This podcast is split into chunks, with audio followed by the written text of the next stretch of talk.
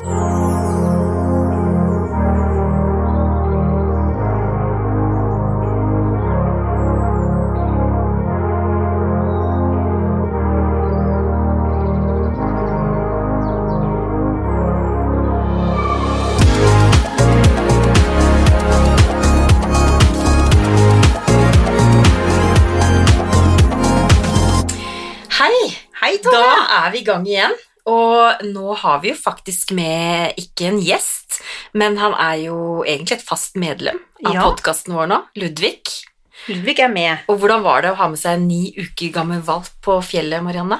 Vet du, hva, først og fremst så må jeg jo si at det var utrolig koselig. Men, eh, og det gikk veldig, veldig fint. Han eh, klarte å ødelegge et eh, gullteppe og spise et par mobilladere og, og spise tøffelen til eh, farmor. Men ellers så, så gikk det veldig fint. Altså Litt svinn tenker jeg at man må regne med, tenker jeg. Ja. Eh, og ni uker, altså da har han jo et hav av tid fremover til å Mhm. lære de tingene han skal. Men se, altså jeg så jo at han hadde vokst siden sist. Nå er det jo 14 dager siden jeg hadde så han. Ja. Eh, og jeg syns jo han hadde lagt på seg og blitt større. Og det som faktisk, noe av det som var finest egentlig, det var at eh, vi fikk faktisk nattesøvnen vår tilbake. Fordi at eh, vi hadde jo han i et lite bur, eh, hvor han hadde det han skulle, men som vi hadde lært at det var fint å, å ha han på en måte ja. innlåst, ikke han skulle begynne å løpe rundt om natten og Mm. sånn. Men han er jo tørst, ikke sant, så, Ja. så det å ha han i en uh, seng som han kan gå ut og, og med, mat, eller med vannskålen ved siden av, det er mye lurere. Ja, selvsagt. Og da har han faktisk, uh, når vi da har lagt oss uh, litt sånn sent og fått en litt, litt sen tissetur, så har han sovet til, til morgenen i hvert fall.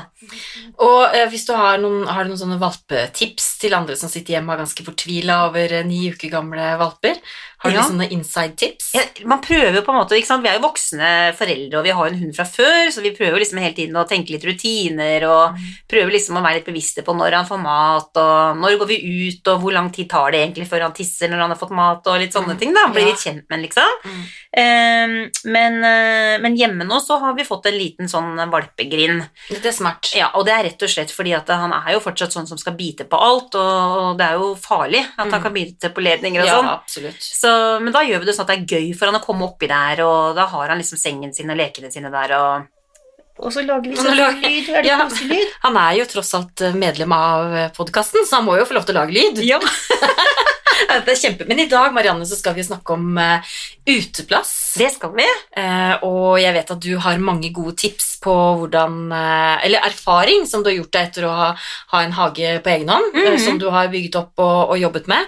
Eh, og vi skal også snakke om noen gode kontoer Ja. som vi skal tipse om på Instagram, mm. som vi kan bli inspirert av og ta lærdom av. For Mhm. det er mange flinke folk der ute. Det er det. Og så skal jeg dele litt fra min balkonghage. Ja. Og ikke minst skal vi jo snakke om den fantastiske fine hagen som er rundt Slottet, altså, ja. og Dronningparken og. Slottsparken. ja. Men det som er så rart da, Tove, når vi snakker om hage, det er jo på en måte at gjennom alle de ti årene som vi bodde på Sankthanshaugen, så drøm, har man jo en drøm om den hagen, og jeg er jo vokst opp med hage også, Mm. men man kan jo bare ikke ane hvor mye jobb det er. Herre min nei. Og, og vi bor jo i en tomannsbolig, men vi har jo faktisk da ett mål tomt. Og du vet, du kjenner meg jo, jeg er jo perfeksjonist, så det er klart at jeg må si at det, akkurat den tiden her, den er litt todelt for meg. Fordi at det, nå kom vi fra påskeferie på eh, lørdag, og da, hadde vi jo, da visste vi at vi skulle holde på i hagen på eh, siste del av påsken. Og, og da er jo jeg sånn at det, akkurat på den tiden her, så jeg elsker jo våren, men nå er det jo så stygt ute som det kan få blitt. Så du mener egentlig at det som er nå, er det kjipe med å ha hage? For nå må du rake og vaske Ja. og impregnere og gjøre alle disse kjipe tingene før du kan nyte, kose deg og drikke bobler i sola? Ja, men, men, men også skulle jeg gjerne blitt ferdig med en gang, og så må jeg bare innse at det tar tid, da, ikke sant? Og vi er to voksne hjemme hos oss, og vi er, jo- det er jo mannen min og jeg som gjør dette her. Men hva er det som tar tid, da? og det er liksom alt fra disse, de, det løvet, ikke sant, som man raker jo på høsten, men det ligger jo der fortsatt en del løv, og så har man alle barnåler fra de fine trærne som er rundt oss, for vi har jo vi har, jeg er jo veldig glad i trær, men det bøsser jo noe helt vanvittig. Mm. Og så er jo gresset, det er jo brunt, så det er liksom, det ser jo ikke ut noe sted akkurat nå, og da skulle jeg gjerne blitt ferdig med en gang, men jeg må liksom bare smøre meg med tålmodighet og skjønne at det, tar tid, da. Og hva er det første du begynner med, da? Hvis du skal fortelle, Kan ikke du beskrive liksom hva du gjør? For jeg, jeg regner jo med at de som hører på oss, de vil ha tips eh, om hva man kan gjøre, og hva man Mhm. burde gjøre og skal gjøre. Og Ja. Du, ja. Ja, så Det første vi må gjøre nå, er jo selvfølgelig å bli kvitt alt det gamle løvet og alt det rusket som ligger fra vinteren og fra senhøst. da. og da må du rett og slett eh, ta frem raka og rake Ja. og luke vekk. Mhm. Og så må man jo klippe ned alle frukttrærne, så at de blomstrer, eller at det blir best mulig fruktavkastning. Så det gjorde vi i går. Da tok Pål, mannen min, og var oppe i trærne og klippte greiner. Og da hørte jeg noen rykter om at du hadde gjort deg noen erfaringer på det også, fordi at uh, i begynnelsen, når du flyttet dit, så brukte du saks. Ja, og det er sånn typisk også, som jeg sa til deg i stad, at vi må, det er faktisk en veldig god investering da, å faktisk bruke penger på litt ordentlig hageutstyr, Mm. for at til å begynne med så hadde jo ikke vi det, og da, er det, da blir det i hvert fall kjedelig når man ikke har utstyr i orden. Mm. Så jeg anbefaler jo å besøke en butikk som har litt godt med utstyr, og, og få det man trenger da. Mm. Mm. Og hva er det du trenger av sånn basic? Altså, hvis, hvis man er liksom helt ny i, eh, med hage, altså, hva er det du må ha av utstyr? I hvert fall sånne gode tenger tenger, er det heter? Sånn, ja, til å klippe greiner, ja. hagesaks. Hagesaks, ja. Mm.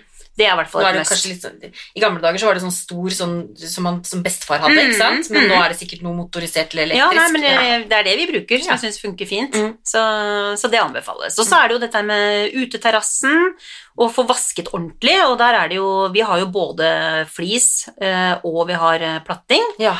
Og i år så vet vi at nå må vi beise den plattingen, for nå er det jo noen år siden den ble lagt, så det må vi ta litt senere.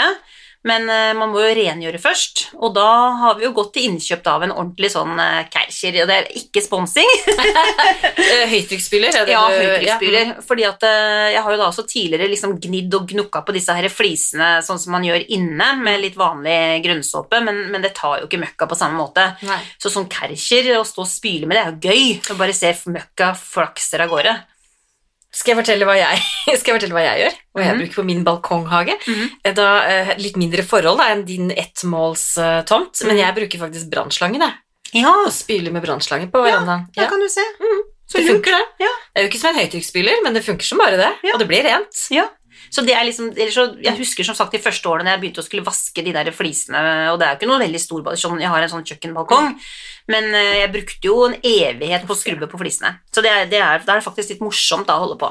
Men det som er, da, det er jo at når man da har gjort det, hele den jobben der, så er det dessverre sånn at så kommer pollen, da blir alt eh, gult, og så drysser trærne Så det er jo et evighetsarbeid når man har hage. Ja. Mm. Det er jo det det er. Ja. Det er kos, og det er fint, øh, og det er lekkert når man ser det på Instagram, Mm. Eh, men det er, jo, øh, det er jo mye jobb. Det ligger mange timer Ja. jobb bak, det er det. Men det er jo derfor det er deilig å ha balkonghage da, på ti kvadratmeter. Ja. For da Det er jo mye enklere. Altså, da er det jo en time, så er det rengjort og gjort i stand. Mm. Ja. Men, men det er klart man har jo ikke alle de mulighetene som du har, da. Nei, men, jeg, jeg, men jeg tror det er viktig, som sagt, når man har litt å ta vare på, Mm. så må man på en måte liksom ta det litt eh, Ikke tenke sånn som meg, at alt skal være strøkent på Nei. en gang, for det går ikke. Nei. Det tar tid. Mm. Men det vi har gjort nå, da, som vi også har eh, erfart at det er lurt, det er jo at eh, jeg var litt tidligere i år ute med å så så litt Vi har sådd paprika og tomater og gressløk, og det har jeg jo da sådd innendørs. Og når vi kom fra påskeferie, så hadde jo de faktisk begynt å spire og gro allerede. Ja, det er flott. Ja, så det er jo det viktigste også hvis man skal ha litt, eh, en liten kjøkkenhage eksempel, så, så er jo det viktig å ta innendørs først. Jeg, jeg, vet at du er veldig opptatt av det. Du liker å få ting til å gro. Du Mm. liker å se på en måte å gå ut i hagen og se at det vokser opp, og bruke det. Og eh, jeg så jo på Instagram at Mhm. du hadde noen veldig veldig gode tips eh, som var på, Plantasjen. Ja. Og jeg tenker vi kan bare si det, selv om vi er, jeg er ikke sponsa av Plantasjen. nei, nei, nei. Men, men jeg tenker at eh, det, er, det var så fint, for jeg vet at de hadde det ikke i fjor. Det er noe nytt, disse Mm. posene. Mm. Altså rett og slett poser som Mm. med, med ferdig, altså med jord i, Ja, og frø. og frø i Mm. også, og så åpner du, du klipper bare av posen, og øh, vanner, Mm. og så That's Og it. innen en uke så begynner det å spire og Ja. gro. Og, og det er jo helt perfekt også for de som har små Ja, ja. Altså leiligheter. Da, så kan man ha det i vinduskarmen, mm -hmm. eventuelt uh, ta det ut på verandaen etter hvert. Ja. Og jeg prøvde meg jo på tomater i fjor, Ja. men da var jeg jo altfor sent ute, for jeg sådde jo ikke før i mai. Nei. Og det må man også lære seg, da. At det, liksom, det er jo gjerne mars-april at man Mm. begynner å så inne før man setter det ut, da. Og da er det jo en annen ting, og det er jo å man da først begynner skal sette ting ut, så må man jo i hvert fall da sørge for at man gjør det etter at det er frost. Ja. For vi er jo veldig ivrige nå etter å få det fint ute. Veldig. Og det er utrolig leit når alt blir ødelagt av frosten. Mm. Og det er en regel som mamma pleier å alltid følge, og det er faktisk hun planter ikke ut før etter 17. mai. Eh, For meg Nei, så blir det Ja. Mm. ja, For oss som bor i Oslo, Jo, jo, da. Ja. For det endrer seg jo Ja. hvor man bor. Men, eh, men for meg så syns jeg jo det blir for lenge. Men da er det jo lurt å gjøre sånn som det du gjør, eh, Tove. At du planter, men du tar det inn. Ja, altså jeg planter jo inne, selvsagt. Mm. så i vindus... Altså jeg har de små sånne bokser Mm. uh, i vinduskarmen og lar de få sola inn fra, fra vinduet Mm. Uh, og, og få varmet seg og, og liksom komme i gang. Og så med en gang det blir litt varme ute, uh, og det er sol, så løfter jeg, bærer jeg de ut. Akkurat sånn så, egentlig som Jeg behandler de som små barn, da. Mhm. Og, og de blir jo Man får liksom så personlig forhold Ja, til de ja, ja. også. Teller opp hvor mange Jeg, jeg sådde 24 frø, ja. Ok, nå er det bare 22 som har kommet Ja. opp, men da kanskje de to siste kommer. Eh, og så løfter jeg de ut, setter de ute, lar de få frisk luft, eh, sole seg litt. Mm. Men så er det sånn med planter at de tåler ikke for mye sollys med en gang, for mm. de blir rett og slett eh, solbrente. Eh, og så bærer jeg de inn igjen, og så tåler de jo ikke temperaturforandringer. Nei. Så før det på en måte sola går ned, så løfter jeg de inn, sånn at de er inne da på natten. Eh, og det samme gjør jeg også med grønne planter, for jeg er veldig opptatt av at de plantene jeg har inne, tar jeg ut på balkongen. Eh, men da gjør jeg det sånn sakte og sikkert. Så Mm. jeg tar de ut da kanskje en halvtime, og så inn, kanskje en time, og så Ja. inn igjen. Så at de Sånn vender, ja. mm. så ikke de blir solbrente, da, Ja, de grønne plantene mine. Som jeg da føler en ekstra kjærlighet for. Ja, nemlig. For at det også er jo interessant akkurat med grønne planter, Mm. fordi at det også er jo, det skal vi snakke litt om også i neste episode, i forhold til hvordan man kan forse- få forskjellige typer stil på Mm. uteplassen sin.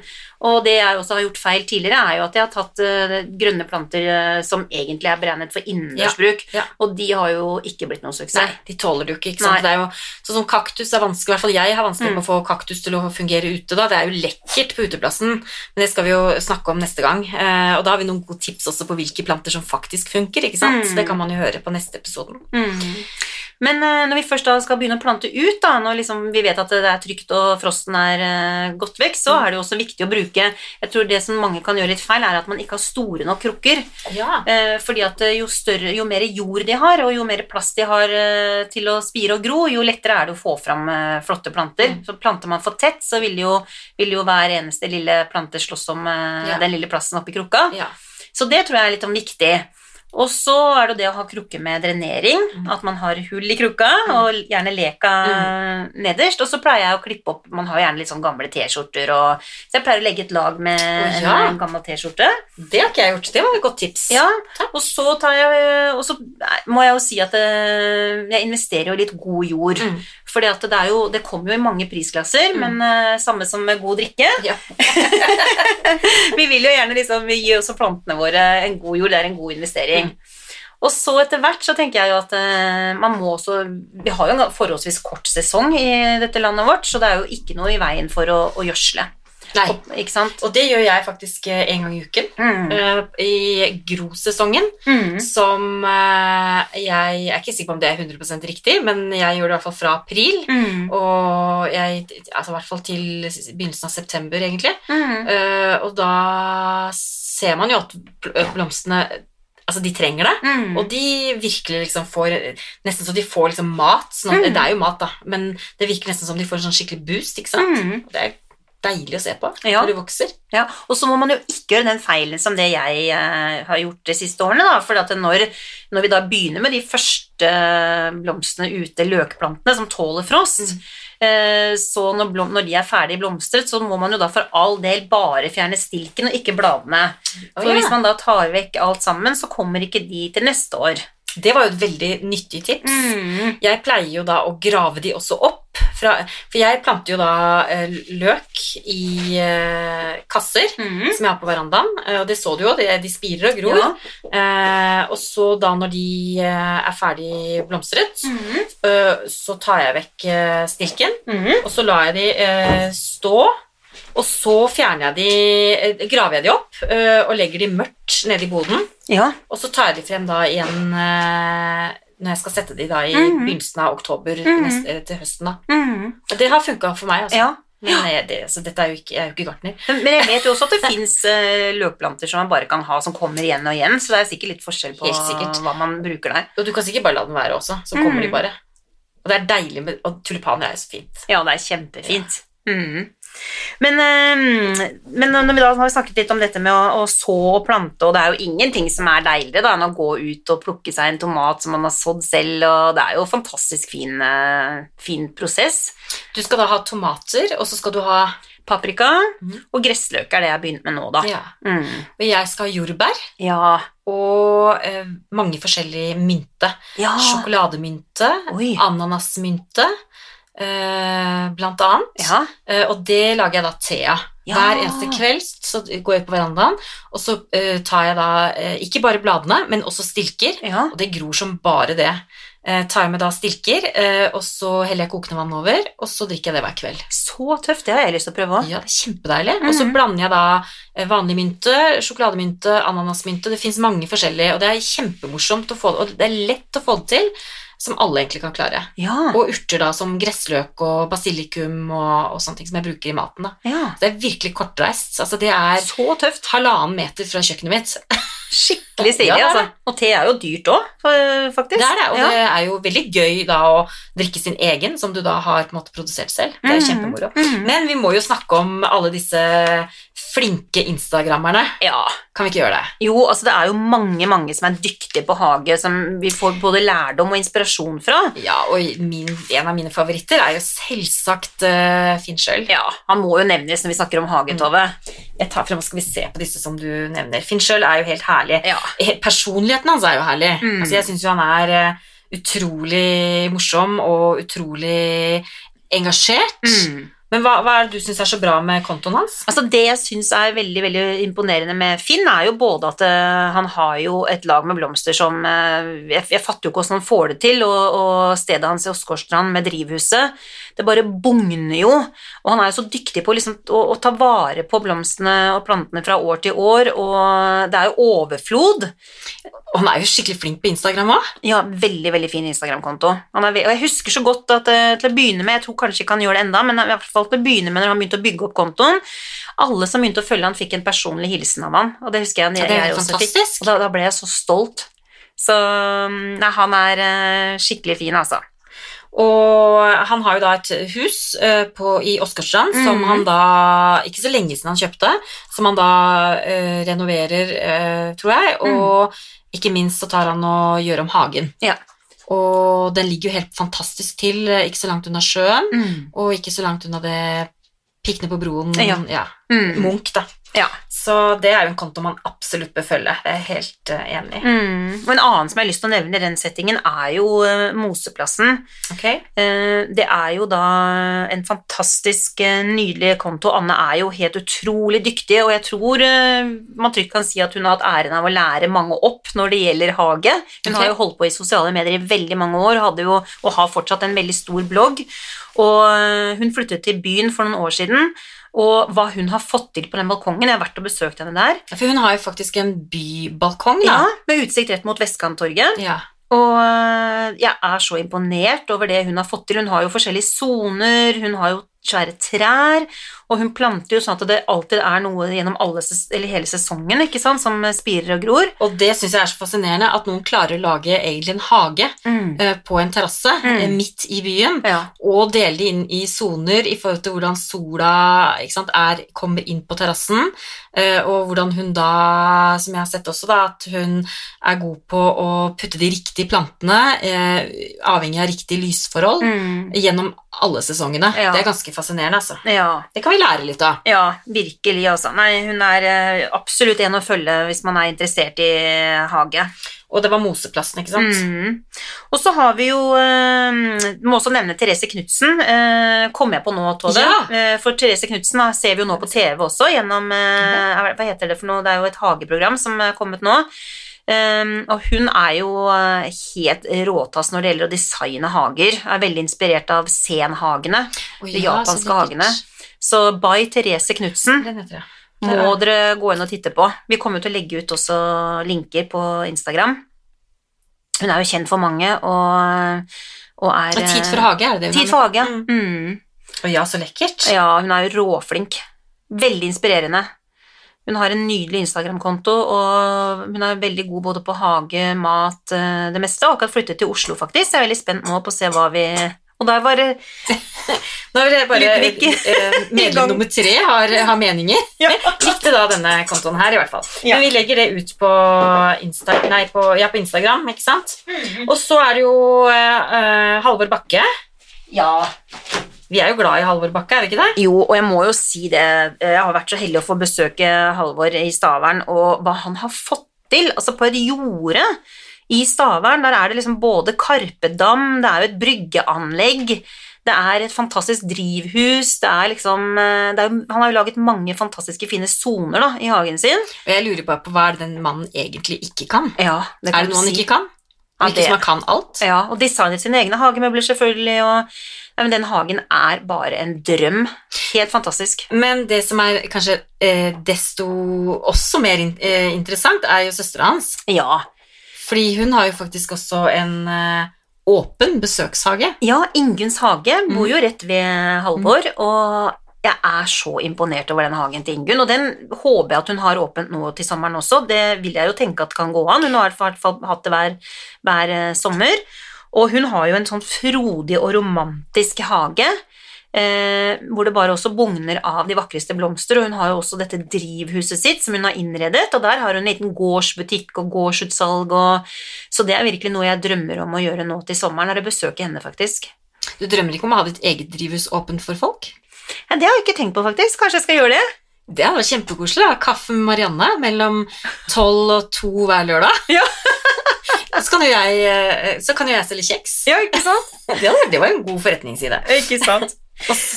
Og, så var det vi, tenkte vi skulle snakke om noe som jeg syns er egentlig helt fantastisk. Og du, jeg vet at du har vært der. Ja, vi var i Stavanger i fjor sommer, og da besøkte jeg Flo og Fjæretove. Og hva er det som er spesielt med den? Altså- det er ikke sikkert alle har hørt om det. Nei, altså Flor og Fjære ligger på en liten øy utenfor Stavanger, så man må ta båt ut der, og så er man der gjerne en hel dag hvor man da har bespisning og omvisning. Eh, De, de planter ut 50 000 planter hver eh, vår, og de har forskjellige hager, altså det er jo et gedigent område, nå vet jeg ikke akkurat størrelsen på området, men det er vel tredje generasjon som, eh, som har omvisning og viser fram der nå. Og det som er fantastisk, er jo at dette ligger jo da ute i havgapet, mm. eh, men av hvordan det er beplantet, og fordi Golfstrømmen eh, er akkurat rundt disse, mm. denne øya, så er det som et tropisk paradis. Det er som Ja. å være i Karibien. Ja, det er det. Med svære palmetrær, de har sand, det nye, noe av det nyeste jeg har lagt nå, er en fantastisk sandstrand, de har japansk hage, altså det er, det er noe av det som har imponert meg mest av alt. Det Så hvis vi ikke kan reise da til sommeren, mm. så kan man egentlig reise til Flo og Fjære og egentlig få en sånn touch av Karibien. jeg håper i hvert fall det, at de kan holde åpent til Mm. sommeren. Jeg har jo laget en liten Jeg, Ja. jo, jeg gikk jo banana selvfølgelig da jeg var der, så jeg har jo en del bilder derfra. Og det kan vi også legge ut på nytt nå, for jeg lagde en uh, liten Ja, film det fra stedet. For det er, det er så imponerende hva de får til. Og jeg tenker det er så fint å framsnakke også, fordi at uh, de har jo åpent for publikum, Mm. og det er klart det er uh, Var det ikke Hvor mange planter var det som var der? 50 000 planter, og vet du hvor mange som jobber der? Nei, du sa det jo, men det husker jeg ikke. Tre personer. Det er jo helt vilt. Ja, det er helt vilt. Altså, det er jo De må jo ha vanvittig bra kompetanse på det de holder på med. Ja, ja, det er så imponerende, altså. Men den siste vi tenkte vi skulle dra frem i podkasten i dag, da, Mhm. som er helt fantastisk, i hvert fall som jeg syns er kjempefin på bilder, det var Hagebyen, var det ikke det? Jo, vet du hva, Hagebyen også, det er jo også en helt utrolig spennende og fin konto med masse inspirasjon, og bor jo i uh, Ullevål hageby. Ja. Det er jo et sted, jeg husker jo det når vi bodde i byen, at vi var mye på visninger og Ja, var du det? Ja, utrolig sjarmerende Er ikke det område. liksom drømmen for, eh, for en kjernefamilie å bo i Ullevål Hageby? Ja, det er så fint. Og så jeg tenker at om man ikke er fra Oslo, så anbefaler alle å ta en titt og kunne gå rundt der, altså, for der er det utrolig hyggelig. Mm. Veldig fint område, og barnevennlig, og så, sånne små hus, ikke sant, Mm. med hage Litt sånn engelsk stil. Ja, mm. Det er kjempe, og kontoen hennes er jo bare Hun er flink til å ta bilder også, eh, og tar veldig mye sånn nærbilder av blomster og farger og eh, lyset, og det, jeg kanskje til og med hun liker å bake, hun òg. Ja, det er mye inspirasjon på den kontoen der. Og så har jeg også lyst til å fremsnakke mm, Champagnehagen, Ja. men hun skal vi rett og slett eh, snakke litt mer grundig om i neste episode. For, eh, for eh, den kontoen også er jo helt eh, spesiell, altså. Utrolig inspirerende. Men du Marianne, før vi går over til neste tema, Mhm. Så har jeg veldig lyst til å be deg på en liten kjeks. Og det er jo Jeg håper du ser eh, hva det er. Du må jo beskrive det i detalj, da, hvis Ja. du klarer å se hva det er for noe. Jeg har lagt ved et lite hint. Ja, Som er ganske For det første så er det jo bare verdens skjønneste små, søte kjeks, og så har du laget rett og slett en liten krone, Ja. og så er det noen sånne søte Hva skal vi si for noe sånne mini eh, Jul, eller? Jeg vet Ja, ikke. jul, ja. Utrolig søte. Men det var jo, overgangen var vel egentlig til disse, da. Ja. Som er da Krone Ja. og Slottsparken. ja. Så jeg tenkte vi kunne kose oss med disse her etterpå. ja, deilig. Og jeg syns jo fargene var ganske lekkert også. Litt sånn vårlig, deilige farger. Og vet du det er så enkelt å lage. At det kan alle gjøre. Det er jo, altså Kjeks kan jeg godt dele oppskriften på. Jeg driver, mm, nå, driver, nå driver jeg og eksperimenterer, egentlig. Mhm. Med finner finne den perfekte Ja, kjeksoppskriften. for kjeks er jo så godt, Tove, og det er litt sånn Ja. undervurdert egentlig, for det er ikke så mange som baker kjeks. Nei, det er ikke det. Og, og da lurer jeg litt på, er det fordi Er det fordi vi på en måte ikke er 20 år lenger, at vi syns kjeks er godt? Ja, kanskje det, Jeg vet ikke vet jeg. Men, men det er jo ikke så mange som baker det. Eh, og nå har jeg da laget en med sitron. Åh, deilig. Uh, og jeg har også brukt da sitron i glasuren. Ja. Sånn at det blir, Den er ikke så veldig søt, eh, kjeksen egentlig. Den er uh, syrlig og frisk. Selv om den kan jo, jeg kan jo lure dere og, at man kan tro at den ser veldig søt ut. Og så er jeg så fornøyd med kunstverket, rett og slett Ja. hvordan jeg da har glasert det. Ja. Og det ser, er jo så avansert og flott, og det ser jo ut som jeg er en kunstner. ja, ja, ja, ja, og det helt er jo klart. så enkelt å gjøre at alle klarer å gjøre det. Og det er rett og slett bare melis med konditorfarge. Ja. Og så har jeg da bare en hvit melis som jeg har blanda, og med vann, og så drypper jeg bare litt rosa konditorfarge oppi, Mm. og så rører jeg med en liten pinne, bare lager Ja. sånn sikksakk-mønster, Mm. og så tar jeg den krona og dypper den oppi der, og rører den rundt, Ja. og så blir det da Jeg vil jo nesten si at dette går mange kunstnere en høy gang. ja, opp, å, ja, ja, ja, helt klart, over. Så kanskje vi skal klassifisere de med en pris per stykk? Ja. Men overgangen var i hvert fall til Slottsparken. Da. Det var det. jeg tenkte vi skulle snakke litt om. Fordi at, eh, og da tenkte jeg, jeg skulle, Det som jeg syns er mest fascinerende med De fleste har jo kanskje vært i Slottsparken, Mhm. har i hvert fall sett den, eller, eller tenker at når man kommer til Oslo, så skal man igjen besøke den. Mm. Eh, og det eh, jeg syns er så fascinerende med Slottsparken, er jo at det er jo en av de første og de største da, parkene vi har i byen. Mm. eh, Og den omkranser da selvsagt Slottet. Ja. Eh, men visste du at det er eh, nærmere 2000 trær i parken? Nei. Det syns jeg er ganske fascinerende. Ja. Og ikke bare at det er 2000, nesten 2000 trær, men flere av de trærne er jo nærmere 200 år gamle. Mm. Og det er jo ganske flott. Og, og noen av de har en stamme som er over seks meter tykk. Wow. Så jeg tenker jo litt sånn, hvis man har lyst til å trenger å klemme noen, da, Ja. så er det blitt veldig sånn inn å drive og klemme på trær. Mm. Og da tenker jeg at slottet, de, de trenger litt kjærlighet, de eh, gamle trærne i Slottsparken. ja. Klemme forsiktig, selvsagt, for dette er jo, det er jo øh, verneverdig og ærverdig. mm. Men det syns jeg er ganske fascinerende. Veldig. Og noe annet som jeg syns også er veldig, veldig bra og morsomt å eh, snakke om, eh, det er jo fordi at eh, jeg eh, har jo denne travelqueen.no, Mhm, ikke sant, hvor mhm. jeg reiser og, og prøver å ha fokus, fokus på dette med bærekraft mm. og, og litt sånn slow travel mm. og alt dette som eh, jeg syns er så viktig å ta vare på naturen, da. Mm. Og, og, og i Slottsparken så finnes det jo faktisk 150 000 eh, bier. Ja. Fantastisk, Tove. Og det er jo eh, altså kjempebra at eh, Slottet og gartneriet har gjort det. De, de Mm. har da plassert disse bikubene ute i Dronningdammen, som, Ja. eh, som ligger på baksiden av, av Slottet. Og de produserer honning. Mm. Og det første året, nå har de vært der en god stund, eh, jeg lurer på om det var kanskje 2014 eller noe, 13 kanskje, Mm. Eh, Og første året så produserte de over 85 eh, liter med honning. Ja, fantastisk. Tenk da året etter, altså bare ett år etter, så var produksjonen oppe i 140 liter. Men hva, hva er grunnen til det, da?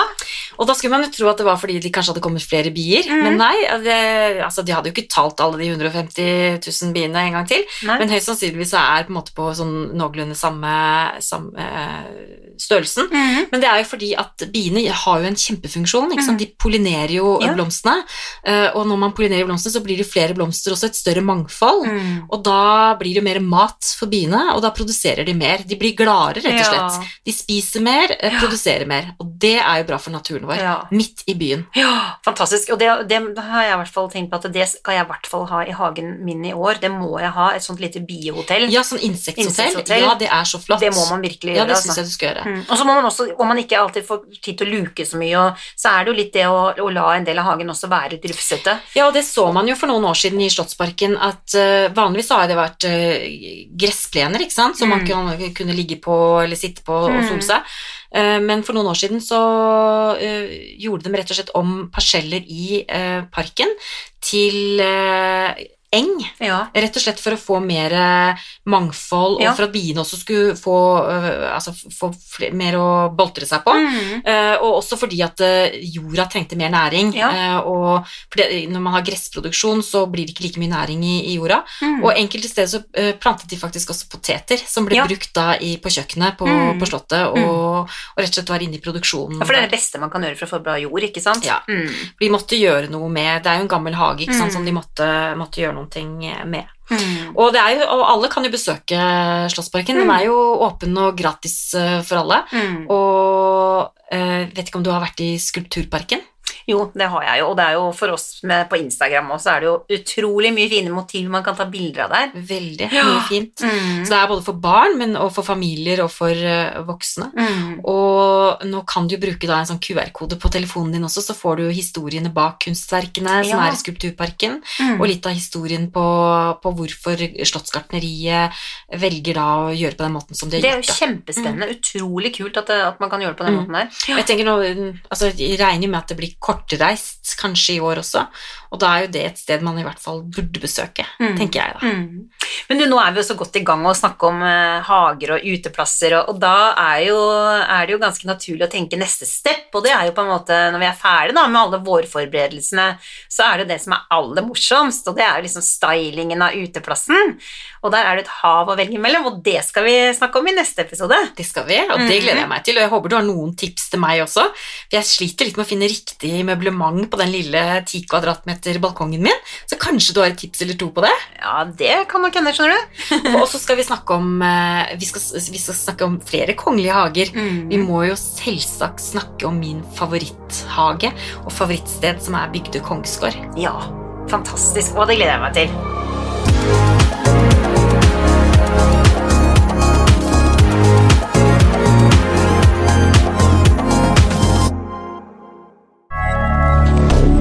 Moderne media.